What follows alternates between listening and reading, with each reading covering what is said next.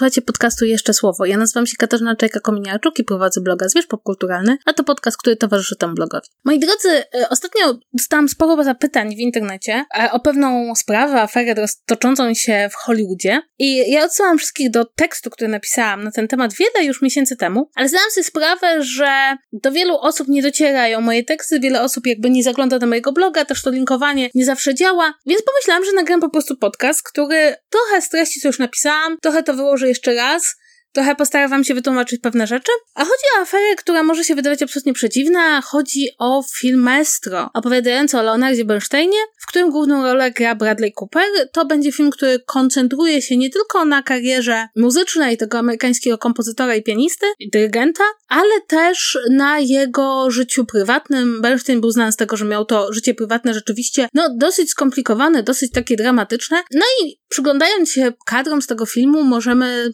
założyć, że będzie to film, który rzeczywiście być może będzie startować po Oscara, być może będzie właśnie wśród tych filmów, o których będzie się dużo mówiło w przyszłym roku, ale na razie, póki jeszcze film nie miał oficjalnej premiery, póki jeszcze go nie widzieliśmy, to największe emocje budzi nos. I teraz, proszę Państwa, jeśli wydaje się Państwu, że omawianie prostetycznego nosa aktora jest najdziwniejszą rzeczą, jaką w życiu robiłam, to nie. I zawsze uznaję, że kiedy pisałam tekst o tym, czy mapety mogą być gejami, to, to, był, to był szczyt dziwnych tekstów, jakie pisałam o popkulturze. Natomiast ów nos, protetyczny nos, wykonany przez charakteryzację, który nosi w tym filmie Bradley Cooper, wywołał bardzo wiele emocji. I skąd, skąd emocje wokół nosa? Można byłoby powiedzieć, że nosy w ogóle w kinematografii zawsze budzą emocje, zwłaszcza te sztuczne nosy. Jeśli, nie wiem, oglądaliście chociażby godziny i dyskusje o nosie Nicole Kidman, nosie, który miał ją upodabnić do Virginia Woolf, to może pamiętacie, a może jesteście zbyt młodzi, to też ten nos budził wielkie Mm, dyskusje, mówiono o tym też zresztą, że Nicole Kidman dostała Oscara za ten sztuczny nos. No, ale w każdym razie wróćmy, wróćmy do tego nosa, ponieważ ten nos został oskarżony o antysemityzm.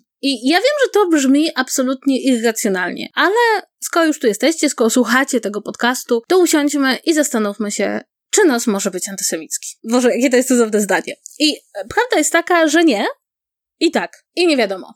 I już próbuję Wam to wyjaśnić najlepiej jak potrafię, korzystając z różnych wątków, które dla niektórych osób są zrozumiałe bardzo szybko, a dla niektórych zupełnie. I zacznijmy może od tego, że bardzo wiele osób sugeruje, że w ogóle nie powinniśmy dyskutować o tej kwestii ze względu na to, że przecież aktorzy obsadzani w rolach postaci biograficznych powinni być do tych postaci upodobnieni, powinni być do nich podobni. No w związku z tym ten nos nie wynika z żadnej ideologii, nie wynika z żadnych kwestii e, ideologicznych, jest po prostu upodobnieniem aktora do bohatera filmo- niefilmowego, żyjącego bohatera właśnie do Leonarda Bernsteina, no bo przecież jest to film biograficzny. I tu od razu chciałabym powiedzieć, że to jest taka pozorna oczywistość i pozorna konieczność. E, dlatego, że chociażby tuż przed chwilą z naszych kin i ekranów, albo jeszcze nie szedł, albo już szedł, nie wiem gdzie mieszkacie i czy u was jeszcze grają, szedł Oppenheimer, w którym główną rolę gra Cillian Murphy, który nie jest do Oppenheimera w ogóle podobny. On nie jest do niego podobny i oczywiście jest taka drobny element charakteryzacji poprzez um, fryzurę,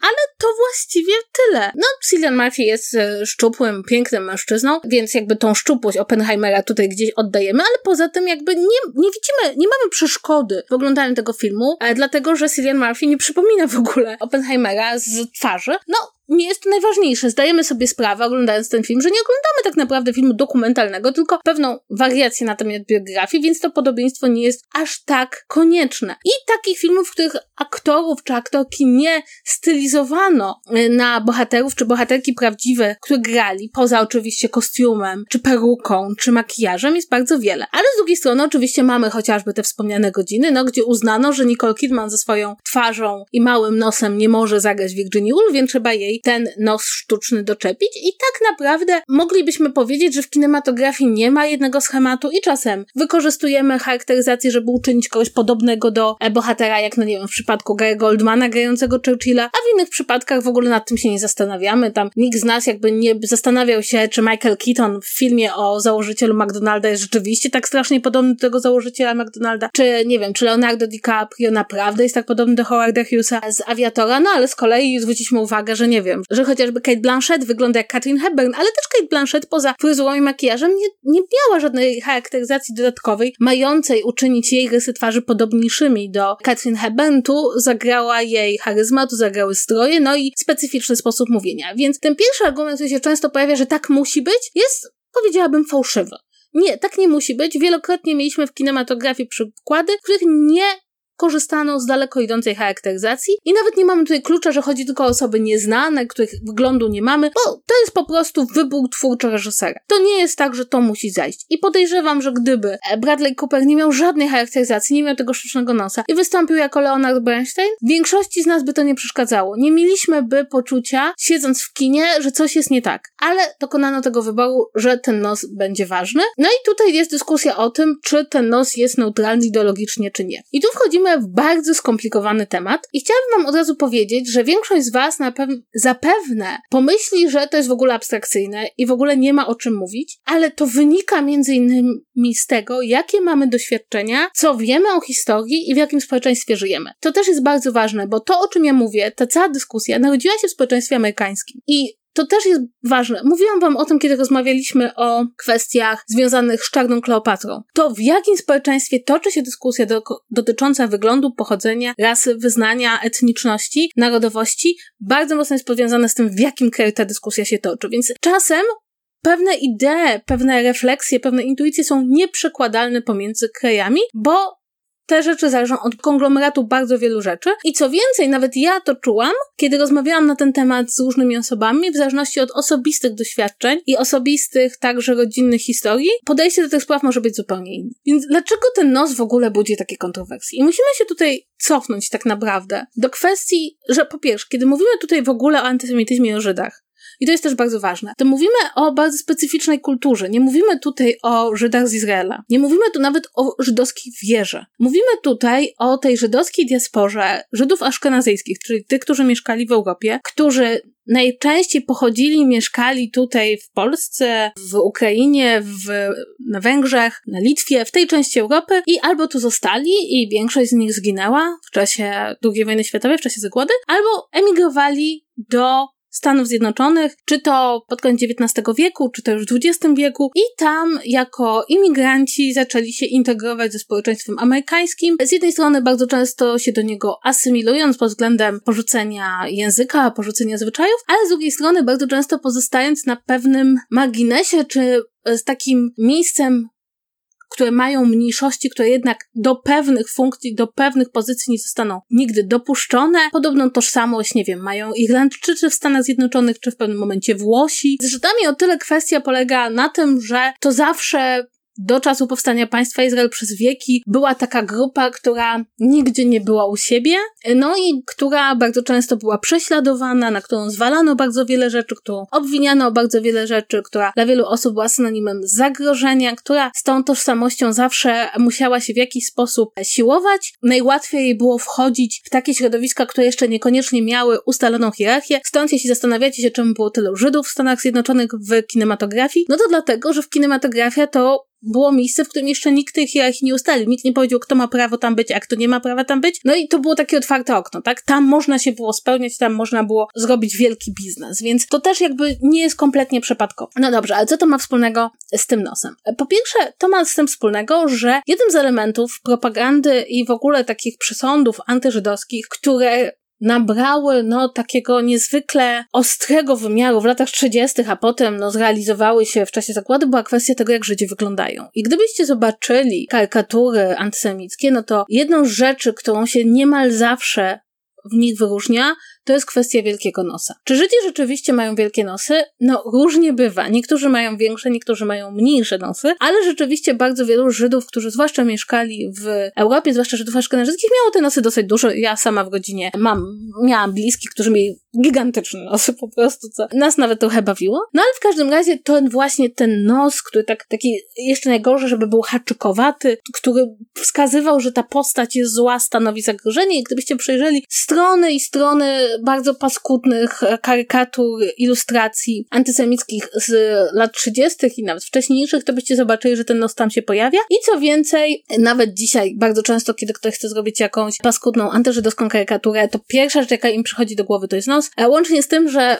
nawet możecie zobaczyć karykatury związane z Ukrainą, związane z prezydentem Załańskim, gdzie prezydent Załański jest pokazywany z takim wielkim nosem, co jest takim absolutnym nawiązaniem z tym, że skoro on jest Żydem, no to nawiązujemy do tych antysemickich elementów. I tutaj żeby było jasne, w ogóle, o, w, zwłaszcza do czasów II wojny światowej, a przede wszystkim w czasach II wojny światowej, ten żydowski wygląd stał się czymś, za co ludzie płacili życiem. Innymi słowy, w czasie wojny II wojny światowej, można było wyglądać lepiej i gorzej. Co znaczy wyglądać lepiej? To znaczy wyglądać mniej semicko, tak? Mieć jaśniejsze oczy, mieć jaśniejsze włosy. Takie rysy twarzy, które ktoś, kto decyduje, czy zwróci na ciebie uwagę, zinterpretuje jako semickie, czy zinterpretuje jako aryjskie, jako słowiańskie, jako te, które są te lepsze w każdym razie. I rzeczywiście to było coś, co mogło zadecydować, czy ktoś przeżyje, czy nie. Czy będzie mu się łatwiej ukryć w czasie II wojny światowej, po aryjskiej stronie na przykład. Czy zostanie rozpoznany, złapany na ulicy. I to jest ważny element, o którym my bardzo często zapominamy, że w momencie, w którym dane cechy wyglądu zaczynają decydować o tym, czy ktoś był podmiotem prześladowań, e, ludobójstwa, no w przypadku Żydów zagłady, to one przestają być przezroczyste. Innymi słowy, to jest trochę tak, że te rysy twarzy, nawet obecnie, kiedy jakby nic za nie nie grozi, niosą za sobą pewien ciężar. One nie są przezroczyste. A skoro nie są przezroczyste, skoro za ten duży nos, ciemne włosy, ciemne oczy, można było w jakimś momencie historii zapłacić swoim bezpieczeństwem, życiem, stabilnością, to pytanie, czy my się możemy za to przebierać? I to jest pytanie, które jest w jakiś sposób trudne, bo niektórzy powiedzą tak, jeśli, to, jeśli to jest prawda, jeśli te, tego potrzebujemy, jeśli takie realia, to tak. Ktoś inny powie, tak, możemy, ale pod jednym warunkiem, że łączy nas coś z tym doświadczeniem. Czyli powiedzmy, gdyby Bradley Cooper pochodził z żydowskiej rodziny i przebrał te, się w ten nos, no to można byłoby powiedzieć, on z jednej strony bierze coś, co było bardzo mocno związane także negatywnie z jakąś grupą, ale też do niej przynależy. To jest też jego historia. Albo możemy powiedzieć nie. Możemy powiedzieć, nie, słuchajcie, nie róbcie tego, nie musicie tego robić, powielacie tylko pewien schemat, a do tego wszystkiego bierzecie coś, co jednak mimo wszystko nie jest przezroczyste. I tutaj e, tak naprawdę warto właśnie zwrócić uwagę na to, że ta historia, ta kontrowersja wychodzi ze Stanów Zjednoczonych. Ze Stanów Zjednoczonych, gdzie w ogóle trwa bardzo duża dyskusja odnośnie tego, jak kwalifikować Żydów, zwłaszcza w kontekście tego rasowego myślenia. Bo jeśli patrzymy na kinematografię amerykańską, no to tam rzeczywiście jest duże napięcie związane z tym, kto ma prawo co. To znaczy, kto ma prawo grać osobę czarną. Czy osoba na przykład z mieszanego pochodzenia ma prawo grać osobę czarną. Kto ma prawo grać osobę latynoskiego pochodzenia. Czy osoba, która jest powiedzmy, nie wiem, z Hiszpanii ma prawo grać osobę, która jest z Meksyku. No bo w Stanach Zjednoczonych latynosi są tak zwani people of color, czyli już są osobami, które są prześladowane ze względu na swój kolor skóry. Jest kolejne pytanie, prawda? Kto ma prawo grać rdzennych mieszkańców Stanów Zjednoczonych? I w tym wszystkim pojawia się kwestia Żydów, którzy z jednej strony są grupą religijną, choć nie wszyscy, z drugiej strony są grupą do pewnego stopnia etniczną, z trzeciej strony grupą narodową, są grupą, która doznała wielu prześladowań, są grupą, która dostała wielu wykluczeń, choć nie we wszystkich krajach i nie we wszystkich momentach historycznych i nie we wszystkich rejonach i nie we wszystkich zakresach ich działalności, i tutaj jest pytanie, gdzie my mamy, jak mamy do nich podejść, tak? Jak mamy ich traktować? Czy obowiązują te same zasady, które obowiązują chociażby, nie wiem, właśnie osoby o innym niż biały kolor skóry, czy nie obowiązują te same zasady? To jest w ogóle bardzo ciekawe, dlatego że nie ma tutaj jednoznacznego konsensusu. E, są tacy aktorzy, których, no, niektórzy się zastanawiają, czy dobrze robią. Na przykład Oscar Isaac, który kilka razy już grał żydowskiego bohatera. Oscar Isaac, jak wiemy, nie jest Żydem, jest Gwatemalczykiem, najpiękniejszym, co Gwatemala dała światu. No, ale jest obsadzany, bo pasuje właśnie z wyglądu, tak? No piękny, ciemnooki, brązowooki, ciemnowłosy mężczyzna, jeszcze jak mu się doda brodę, to człowiek by go od razu odesłał do jakiegoś kibucu. No właśnie, z wyglądu pasuje, czyli mamy ten klucz wyglądu. Mamy ten klucz wyglądu, że wiemy, kto wygląda odpowiednio, żeby grać żydowskiego bohatera. Jednocześnie bardzo wiele żydowskich aktorek mówi, no wszystko pięknie, tylko do ról żydowskich postaci, które chciałobyśmy grać, żydowskich bohaterek historycznych bierze się dziewczyny, które nie są Żydówkami. Też problemem wciąż kinematografii jest kwestia no, żydowskiej urody. To znaczy, jeśli spojrzycie na historię kinematografii, to zorientujecie się, że mamy bardzo wielu żydowskich aktorów, ale ci, którzy zostają amantami, ci, którzy zostają, dostają te role, które mają przyciągać kobiety, no to to są zwykle, nie wiem, tak jak Paul Newman czy Kirk Douglas, mężczyźni, którzy nie wyglądają, tak? Którzy, którzy nam nie przypominają o tych schematach żydowskiej urody. A z kolei właśnie facet z dłuższym nosem, niski, duże oczy, takie może trochę zapadnięte, taki w stypie Udego Allena, czy nie wiem, Dustina Hoffmana, no to dostanie rolę, ale taką na drugim planie albo taką charakterystyczną, prawda? Bardzo wielu z tych aktorów gra rolę charakterystyczne. Więc mamy jednego Jeffa Goldbluma, jednego Dustina Hoffmana oni mają dobre kariery, ale jest więcej Dustinów Hoffmanów niż, niż Goldblumów, tak? Adam Sandler może gra w komediach romantycznych, ale nie jest typowym bohaterem komedii romantycznej, bo nie wygląda. I właśnie to wygląda jest bardzo istotnym elementem, że ta uroda, ta, która się kojarzy z żydowskością, niekoniecznie jest na pierwszym planie. Znaczy, jeśli jakiś aktor żydowskiego pochodzenia robi karierę jako amant, jako, prawda, obieg westchnień, to dlatego, że nie wygląda. I to wszystko prawdopodobnie może się Wam wydawać abstrakcyjne, także dlatego, że mieszkając obecnie w Polsce, tak naprawdę nie macie e, możliwości spotkać się z ludźmi, którzy do tej społeczności należą. Jest ich dużo mniej, jest jest nas dużo mniej, bo no, ze względu na II wojnę światową, ze względu na 68 rok, ta społeczność żydowska w Polsce jest bardzo mała i też dlatego, że po prostu się tym nie interesujemy. W związku z tym nie mamy poczucia, żeby to były jakieś żywe kwestie. No ale w Stanach Zjednoczonych społeczność żydowska jest dużo większa. Dużo więcej jest tam napięć też z tym związanych. Na przykład jest no dosyć jasne, prawda, że nikt, kto jest Żydem, nie zostanie prezydentem Stanów Zjednoczonych. To jest nie, niepowiedziane na głos, ale wiadomo, że ktoś z takim pochodzeniem nie może zostać prezydentem Stanów Zjednoczonych. E, zwłaszcza e, biorąc pod uwagę, jak wyglądają religijność południowych Stanów, Stanów Zjednoczonych. I to są rzeczy, które żyją w tym społeczeństwie, które są na bieżąco. Więc kiedy my do tego podchodzimy, to mamy takie, co znaczy wyglądać na Żyda?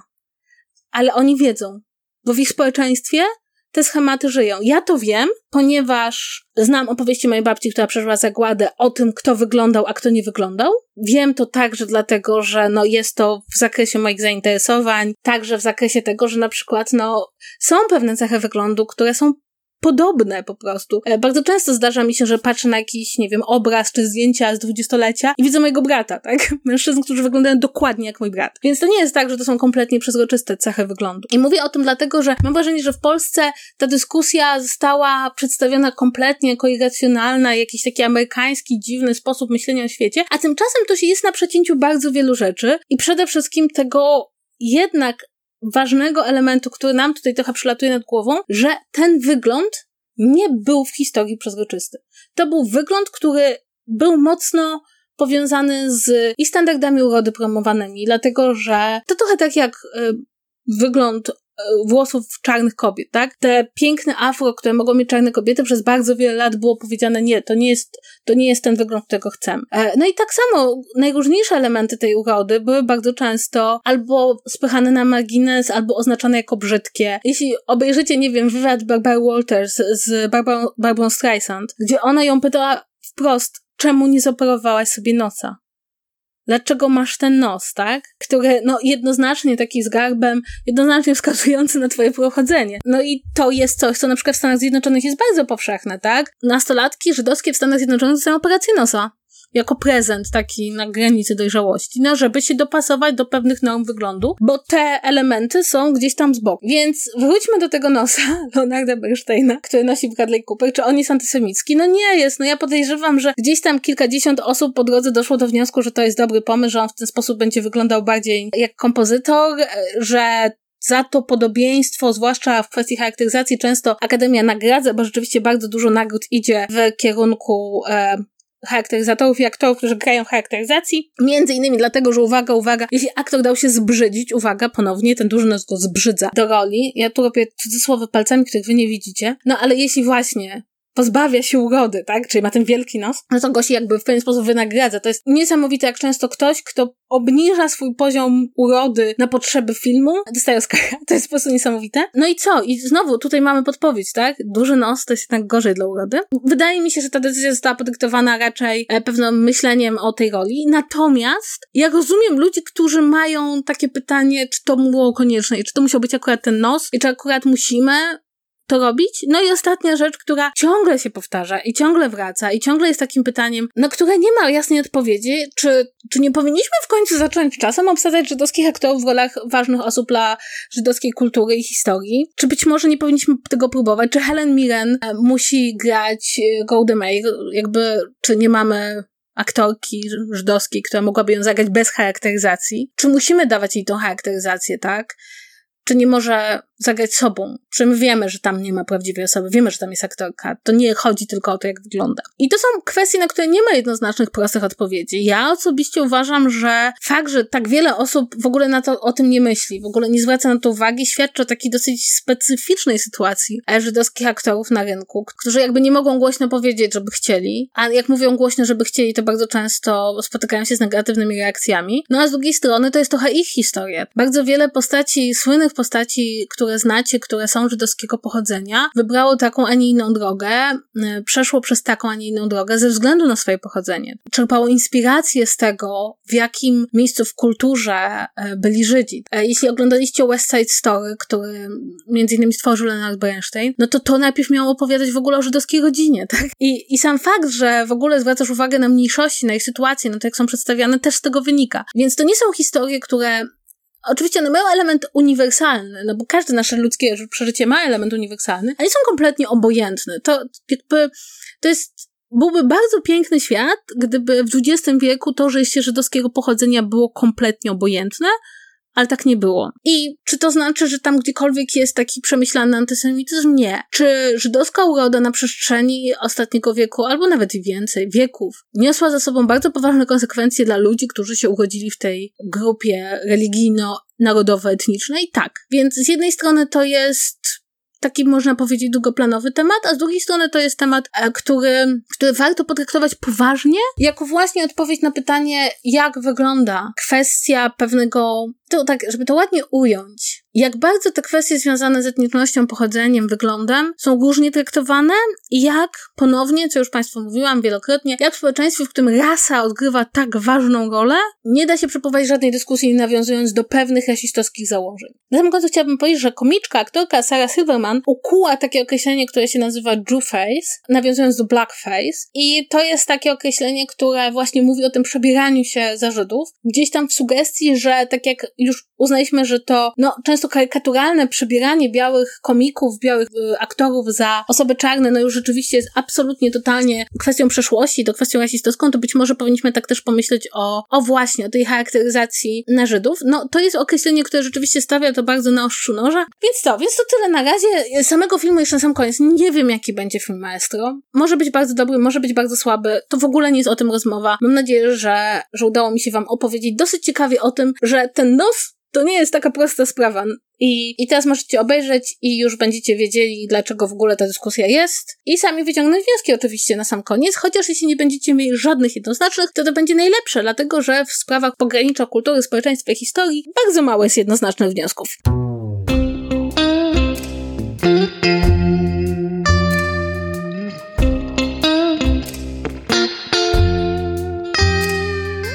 Tutaj jeszcze malutka errata, która wydaje mi się, że będzie konieczna, zwłaszcza w całej tej dyskusji, ponieważ rodzina Leonarda Bernsteina wydała takie oświadczenie, że im ten nos nie przeszkadza. Że oni ogólnie rzecz biorąc uważają, że Bradley Cooper opowiedział tą historię ojca, dziadka i jego żony z wielką czułością i zaangażowaniem. No, w związku z tym oni uważają, że w ogóle wszyscy byliby w porządku z tym nosem, także sam Leonard Bernstein nie miałby nic przeciwko temu nosowi. W związku z tym wszystko jest ok. I tu chciałabym powiedzieć, że z jednej strony absolutnie należy uszanować tego tego typu zdania, zwłaszcza jeśli mówimy o jakimś konkretnym jednostkowym przypadku. Natomiast, i to jest bardzo ważne, w dyskusjach o kulturze, w dyskusjach o percepcjach kultury, czy w dyskusji takiej jak ta, która tak naprawdę zahacza o bardzo wiele emocji bardzo wielu osób, o pewne kwestie historyczne, nie jest tak, że jedno zdanie sprawia, że cała dyskusja nie miała sensu. Nie miało sensu bojkotowanie tego filmu i nie miałoby sensu chociażby negatywne nastawianie ludzi wobec tego filmu. Natomiast sama dyskusja, sama refleksja nad tym, dlaczego tak jest, jest jak najbardziej uzasadniona. I nikt nie ma tak naprawdę ostatecznego zdania. Ostateczne zdanie może mieć oczywiście, kiedy na przykład bronilibyśmy jednej konkretnej osoby przed jakimś prześladowaniem i ta osoba powiedziałaby, nie, słuchajcie, dla mnie wszystko jest w porządku, nic się złego nie stało. Natomiast w tej tej dyskusji, która tak naprawdę nie jest dyskusją o tym jednym konkretnym filmie, tylko o pewnym zjawisku, o pewnych emocjach z nim związanych, ta jedna wypowiedź nie kończy całej dyskusji. Jest ważna, nie można jej, nie można powiedzieć, że jej nie było, ale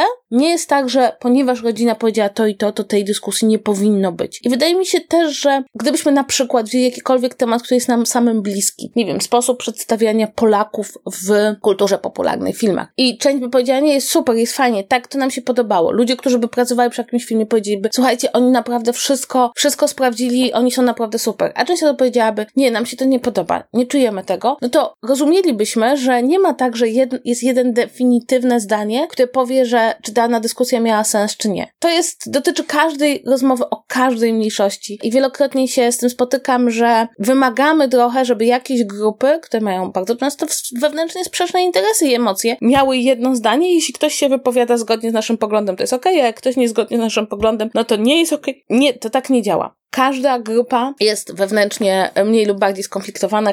I tak oczywiście ta wypowiedź rodziny Leonarda Bernsteina ma znaczenie w kontekście rozmawiania o tym, czy personalnie jest problem z tym nosem u tego konkretnego bohatera, czy temu konkretnemu reżyserowi to by przeszkadzało, ale nie kończę dyskusji o tym, no, o tym, o tym temacie, który tutaj starałam wam się wyjaśnić, to znaczy, do jakiego stopnia to przebieranie się za żydowskie rysy jest neutralne, a do jakiego stopnia niesie za sobą jakiś ciężar historyczny i społeczny, który sprawia, że nie jest to rzecz przezroczysta. Więc to jest konieczna rata. Mam nadzieję, że teraz już wszystko wiecie i będziecie mogli sobie sami wyrobić własną opinię. Albo nie, bo też możecie nie mieć opinii. To tyle na razie. Dziękuję Wam bardzo za wysłuchanie. A od razu mogę Wam powiedzieć, że już jestem umówiona z moją koleżanką, historyczką, z Alicją i będzie odcinek o ekranizacjach wśród Bronte, więc coś na co wiem, że bardzo wiele osób czeka. To tyle w tym odcinku. Do usłyszenia. Pa, pa!